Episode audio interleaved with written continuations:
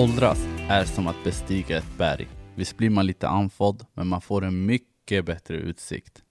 Visst minns man nätterna det var svårt att sova, hur exalterad man var över att fylla år. Man kunde höra hur familjen samlades utanför sovrumsdörren, hur man låtsades vakna till de första verserna av Ja må hon leva.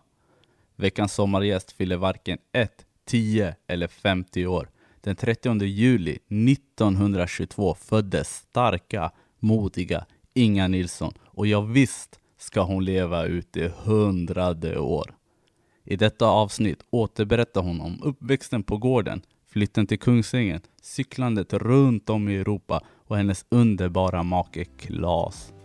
Och som alltid, du lyssnar på Bättre Tillsammans Sommarpodd med mig, Shamarke Elmi.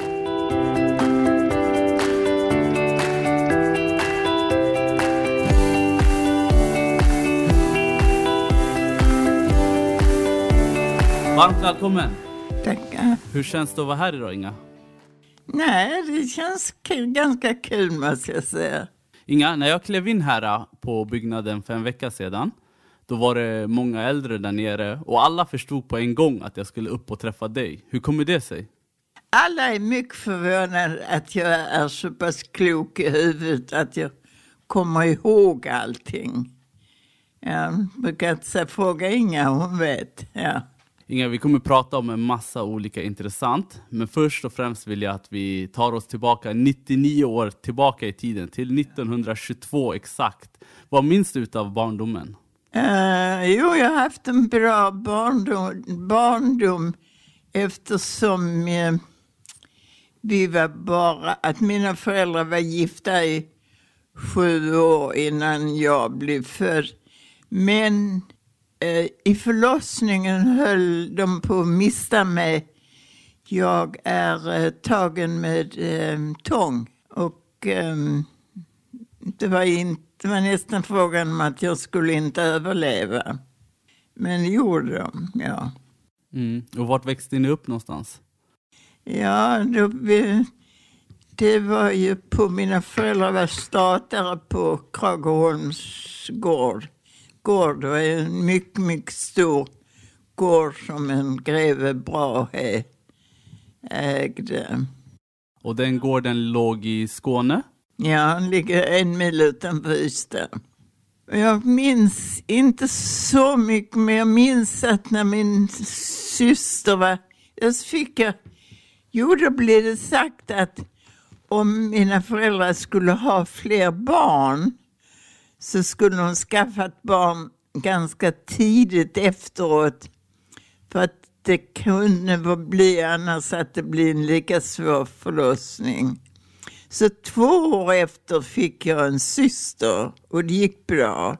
Men när hon var fem, tre, fyra år kanske, så fick hon TBC. Och hon låg nog kanske ett helt år på sanatorium. Det hette Orup. Och på det året fick vi aldrig hälsa på henne. Vi fick aldrig komma dit.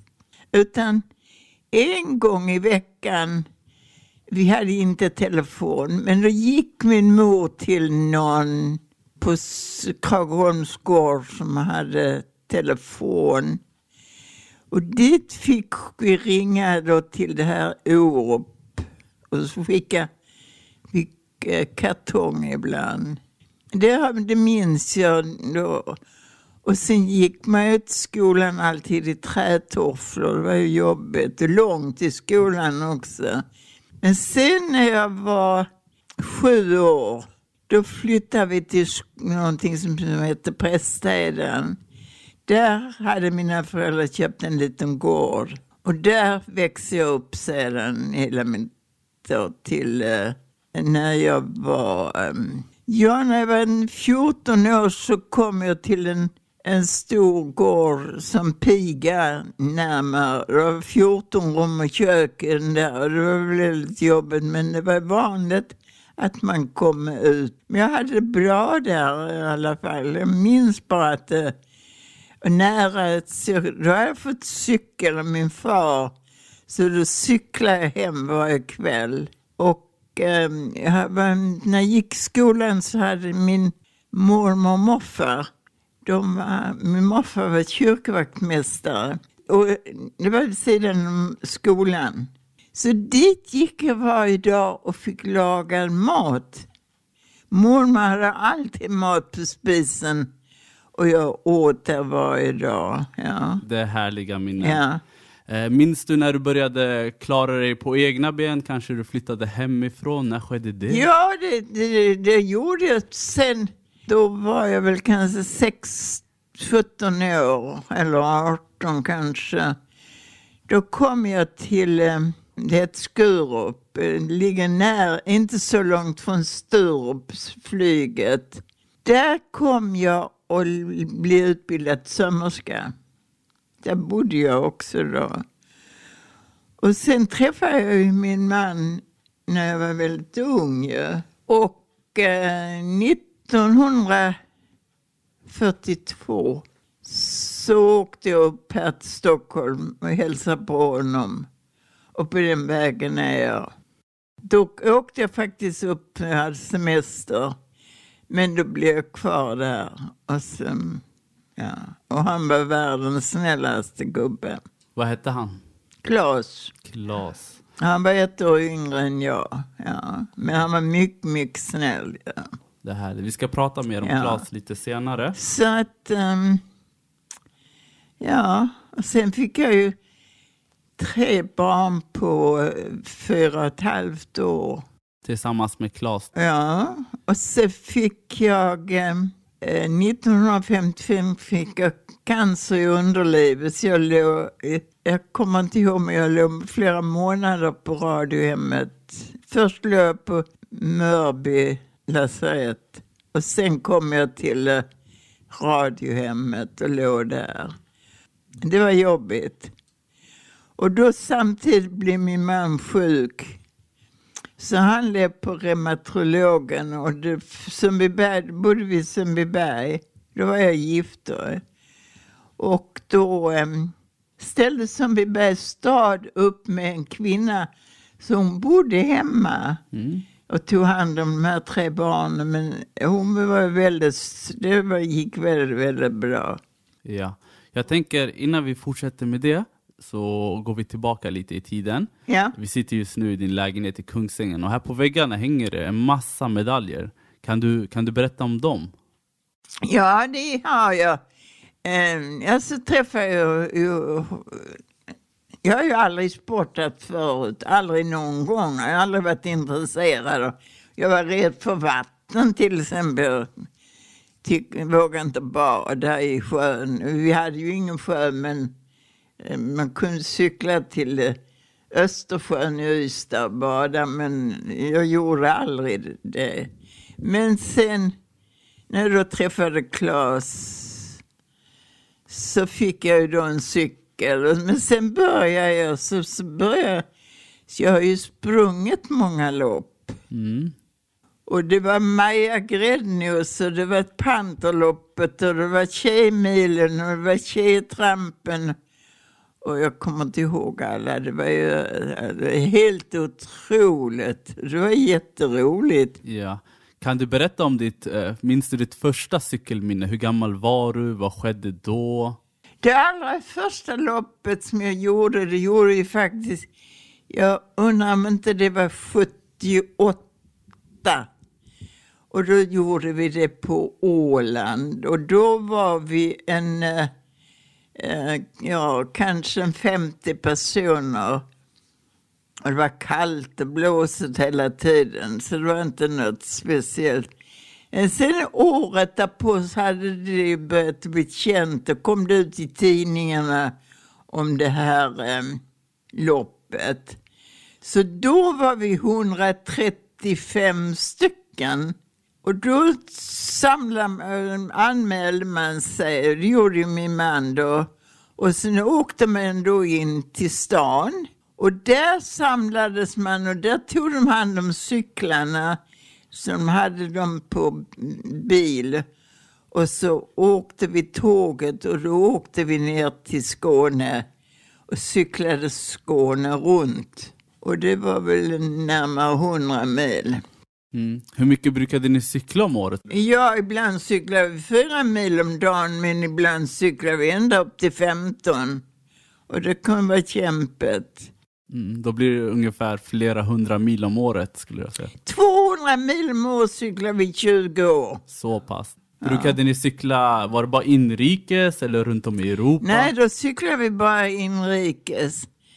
Eh, sen cyklade min man med utrikes, han cyklade i Amerika och han var i Italien.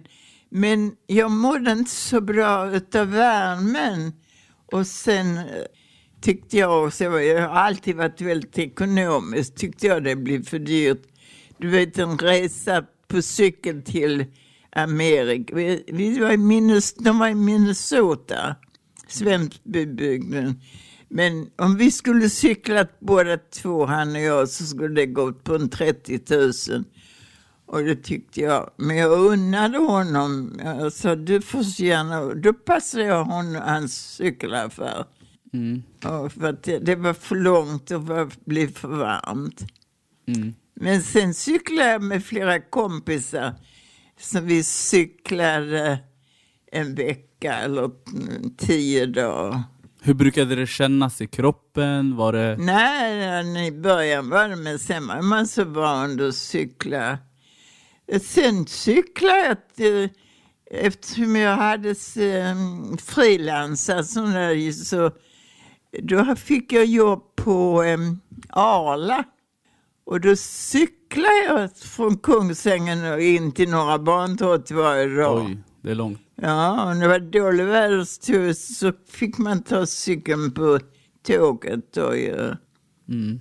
Men sen nog, ja det måste jag ju berätta, så nitt, jag kan inte säga vilk, vilket år det här var. Så kom jag hem från jobbet och så säger min man så här, du det är en Anna Stenmark som har ringt och sökt dig. Eh, du ska cykla i tv. Ja, jag trodde inte på honom utan hon ringer imorgon bitti klockan åtta, sa hon. Jaha, mycket riktigt så ringer telefon klockan åtta. Och det var Sportspegeln. Härligt. Och det var ju en sensation. Så den filmen har jag i kassett. Den fick jag sen i kassett. Och då så träffades vi vid eh, väderstationen innan Stockholm. Karlberg? Ja, Ja. där åkte jag med, jag fick ju åka ehm, på tåget och cykel med mig. Och där mötte tv mig. Jag stod två eller tre stycken. Sen följde de med hela på Sportspegeln och det var spännande. Det var jätteroligt. Fantastiskt. Och se, för jag säger bland annat så här, den tjejen säger, ehm, ja då har jag fått en fin cykel av min man, en 23 21-växlad. Och då säger reportern, men gud vilken fin cykel du har. Och då säger fotografen, kan du ställa det här? Eh, De skulle då, så sa jag, ja, jag vill inte ställa mig före cykeln, jag vill ställa mig bakom så inte mina tjocka lår syns. Men det hade de klippt bort i alla fall. Men det var, det var väldigt, väldigt, väldigt roligt där, ja. Och sen hade jag ett år när jag cyklat tjej, Tjejtrampen cyklade jag i 20 år. Och ett år så när jag kom i målfållan så hörde jag att de ropade att nummer 74 ska gå till depån.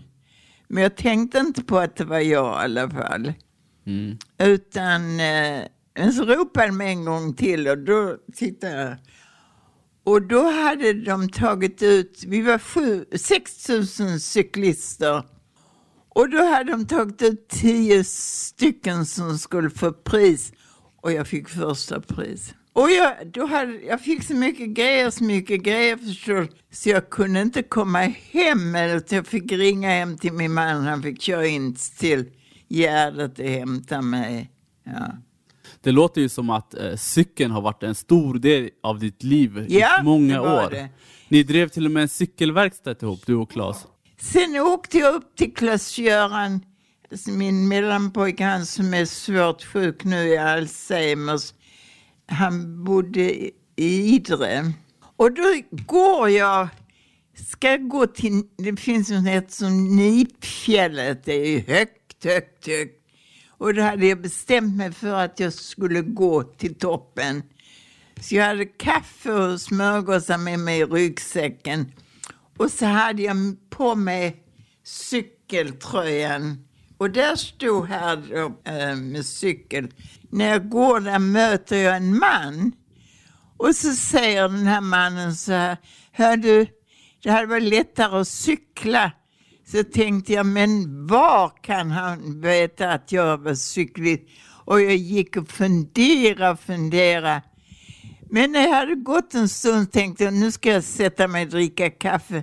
När jag satte mig där och tittade, då såg jag det stod cykelsällskapet här på, så då fick jag förklaringen. Och det, det var, jag gick till Nipfjället och det är inte många som gör. Det var ett par mil nästan. Ja.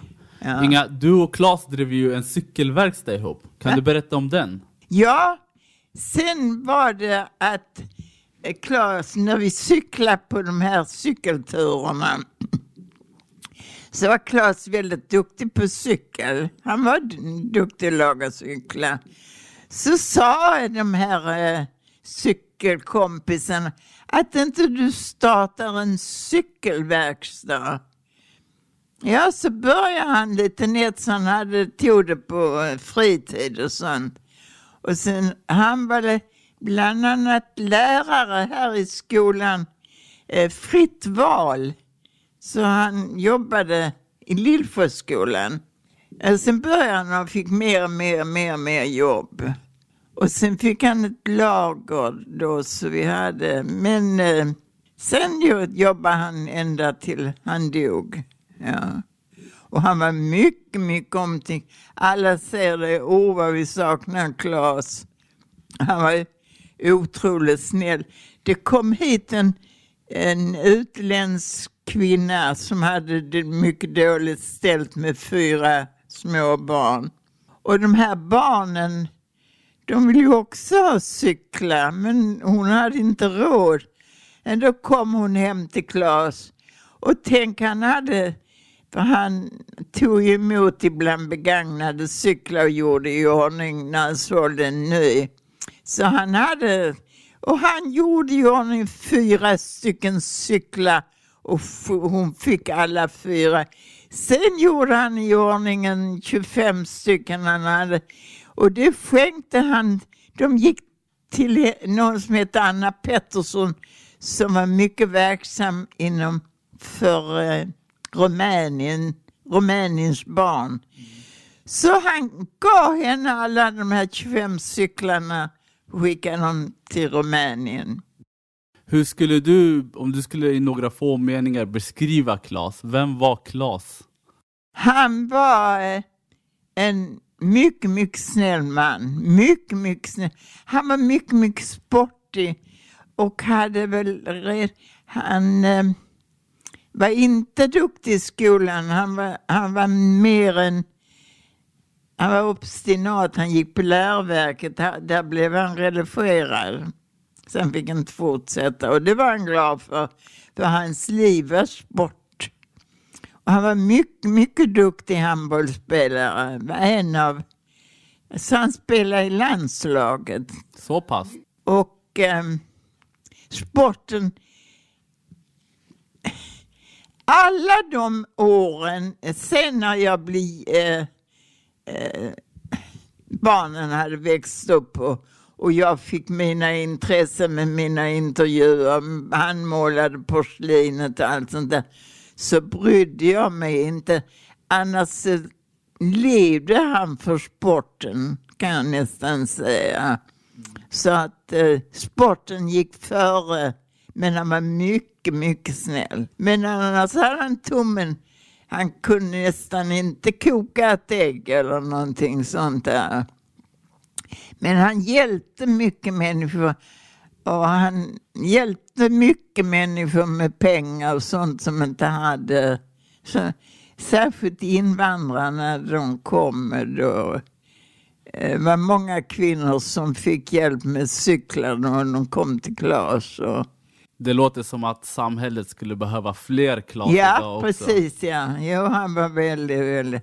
Sen startade han ju handbollen här då. Och det, och det gick mycket, mycket bra. Så att, eh, det, det finns någonting som heter cup. eh, Den är väl från hela Europa. Jag tror inte den är värd, men hela Europa. Och den går en gång med året i Göteborg. Och den är stor. 40-50 tusen är minst som spelar handboll i grupper då, på eh, Göteborg på Heden. Och det gick så långt för Kungsängen som de gick till final. De förlorade sista. Men de blev tvåa i hela den här finalen. Det var helt fantastiskt. Det är enormt stort. Ja. Inga, jag skulle vilja fråga dig eh, om en tid i livet du kände dig som mest fri. När skulle du säga? mest fri. Ja, det, ble, det var nog sen barnen hade flyttat hemifrån. Jag visste att de hade bra. Eh, den minste pojken, eh, han hade tagit student. Han var de som var de sista som fick vita mössan. Då skulle de inte ha den längre. Och då hade han träffat en flicka. Han var 16 år. Och han kom hem med en flicka, hon var från Norrland, hon var från Malmberget. De hade flyttat ner till Bergvägen. Hennes pappa hade egen grävmaskin. Så han fick jobb här nere. De hade inget jobb där uppe. Då träffade han Eva. Och ehm, ja, de var 16 år. Och då var jag lite... Därför jag tyckte han var gå stadigt sällskap, man är 16 år. Då var jag hela, väldigt mm, rädd hela tiden att de skulle komma hem en dag och säga att de skulle ha barn. För då hade han, han skulle ju plugga, det var han som blev eh, brandkonsult sen. Och han hade tänkt att bli läkare men han hade inte riktigt fullt han hade inte fem poäng. Mm, som man hade då i Nej, betygssystemet. det- men han hade 4,65 i alla fall. Men de är gifta och har, det är deras barnbarn här. Härligt. Så de blev ett par. I, men då var, jag, då var jag nervös hela tiden och jag tänkte hela tiden att för det hade ju varit katastrof man ska växa upp. Men hon blir lärare i Bro för eh, de barnen som på Härnevisskolan som hade problem. Där var hon eh, högsta lärare i alla år på dem. Och de, de har villa där, nämnda rosa villorna. Där har de bott i ja, eh, 35-40 år väl. Ja. Jag skulle vilja avsluta med en fråga. Du fyller 100 år Ja, om en inte månad. klokt. Det är inte klokt som Nej. du säger. Men kan du idag säga, vem är Inga Nilsson? Ja, jag är en... Jag är snäll. Allt för snäll. Jag är lugn. Och jag är generös. Och jag hjälper, har hjälpt mycket människor.